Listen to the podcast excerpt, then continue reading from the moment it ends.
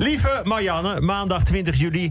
Corona laait hier en daar weer op. Ik was afgelopen week zelf op plekken waar mensen heel dicht op elkaar staan. En elkaar aanraken en zoenen en snuffelen. En likken en tongen en tegen elkaars benen oprijden. Ik was zelfs op een plek waar ze je eerst heerlijk insmeren. Maakt toch allemaal niet ik was. Ik was op plekken waar ze niet veel afstand houden. En dan zei ik wel steeds, hey, we moeten wel een beetje afstand houden. Maar dan zeiden ze, ja, maar het is nu vakantie en dan moet je niet moeilijk doen. Ja, dan ben je uitgeluld. Gelukkig is er wel een hoopgevend vaccin uit Oxford. Nederland heeft met drie andere landen 300 tot 400 miljoen doses aangeschaft. Ik vind dat veel. Dan heb je er opgeteld vijf per persoon. En dan zeg ik, nou, dan heb je wel weinig vertrouwen dat de eerste prik werkt. Max Verstappen is bij de Grand Prix van Hongarije op wonderlijke wijze nog op het podium gekomen. Wonderlijk, want hij reed krap een half uurtje voor aanvang bij een inrijrondje nog met zijn wagen tegen een muur. Waarbij zijn vleugel afbrak en zijn hele stuurinrichting erbij hing. Volgens grootkenner Jan Lammers was het juist een enorm voordeel. Want dan was voor Max de spanning eraf.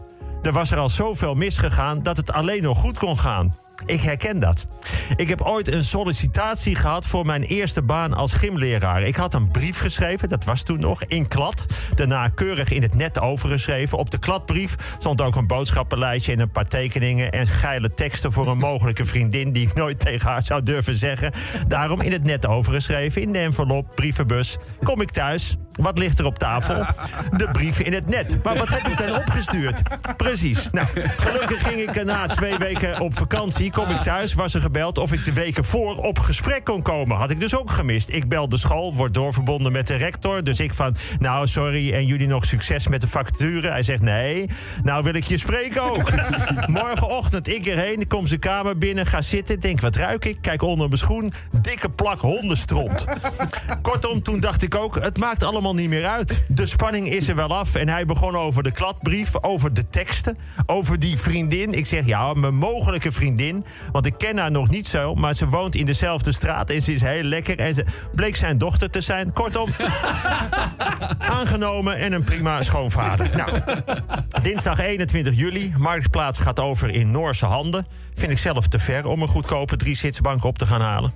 En Kanye West houdt nog steeds vol dat hij mee gaat doen aan de presidentsverkiezingen in Amerika. Hij heeft wat bijzondere punten in zijn verkiezingsprogramma. Hij vindt bijvoorbeeld wel dat abortus legaal moet blijven, maar dat je het wel moet ontmoedigen door financiële prikkels te geven aan vrouwen in moeilijkheden.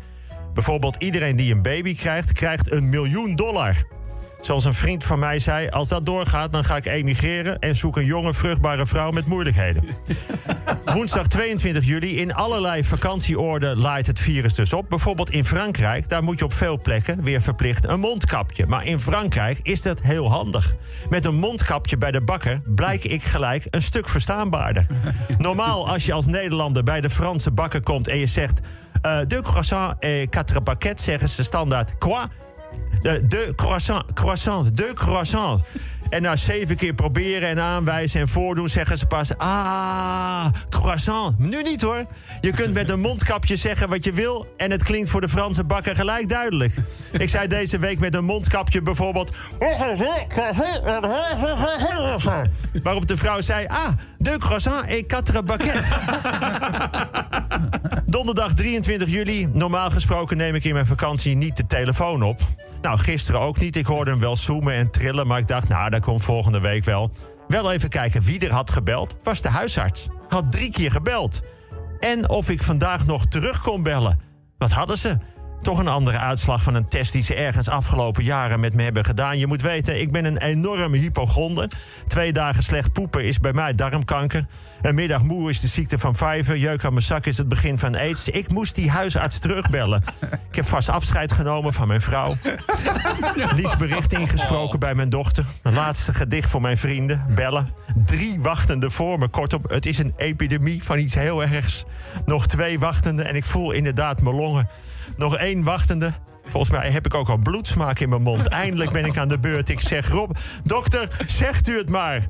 Ze zegt, ja, we zijn bezig met de administratie en we hebben uw mailadres niet. ik zeg, ja, natuurlijk. Ik dacht al de hele tijd, die belt vast voor mijn mailadres. Geen punt hoor. Nee hoor, u stoort totaal niet in mijn vakantie. Fijn dat u belde. Dag. Chocoladefabrikant Rittersport voert een rechtszaak tegen chocoladefabrikant Milka... omdat die laatste nu ook een vierkante reep op de markt heeft gebracht. En Ritter vindt dat zij patent hebben op de vierkante chocoladereep. Niemand anders mag een reep vierkant maken. Het moet in een rechthoek. Je zou denken, het gaat om de smaak, want smaken verschillen. Nee, het gaat om de vorm. De hele wereld staat in brand en Rittersport voert strijd om als enige een reep vierkant te mogen maken. Eerste wat ik dus doe met die vierkante ritterrepen is het door midden breken. Dan heb je twee rechthoeken en dan ga ik ze aanklagen omdat ze alleen vierkanten mogen maken. Vrijdag 24 juli. Vandaag zouden de Olympische Spelen officieel beginnen in Tokio. Wij mochten daarbij zijn met het team van 538, met het hele team naar Tokio. Om naar de wedstrijden te kunnen, de stad in. Sushi, restaurants, tempels, rituelen, verslag doen, sporten, spreken. Fans uit alle landen, emmers met sake, rondrijden in een Super Mario Kart, de bullet train naar Osaka, 23, goud, 23 keer goud voor Nederland. Nog maar een emmer sushi, nog maar een, ik bedoel een emmer sake, maar dat gaat allemaal niet door. En is dat erg? Ja en nee. Ja, omdat het heel erg leuk zou zijn. En nee, omdat, ja, om, ja, nou ja. Kijk, één op de zeven Nederlanders is te arm voor zelfs een weekje op vakantie. Al is het met een wegwerptentje op een industrieterrein van Soetermeer. Dat kan niet, ze kunnen niet betalen. Eén op de zeven is te arm in Nederland. Vind ik veel. Hebben geen geld voor maar een weekje vakantie. Wist ik niet. Ik heb het hier in de studio in de groep gegooid. Ik heb gezegd, iedereen hier met een tuin is eigenlijk verplicht om een paar tenten op te zetten... en een paar gezinnen de kans te geven daar te slapen... en te zorgen voor een goed ontbijt en dat soort dingen. Wietse en Klaas hebben ruimte zat. Zelf vind ik het heel jammer dat ik dus geen tuin heb.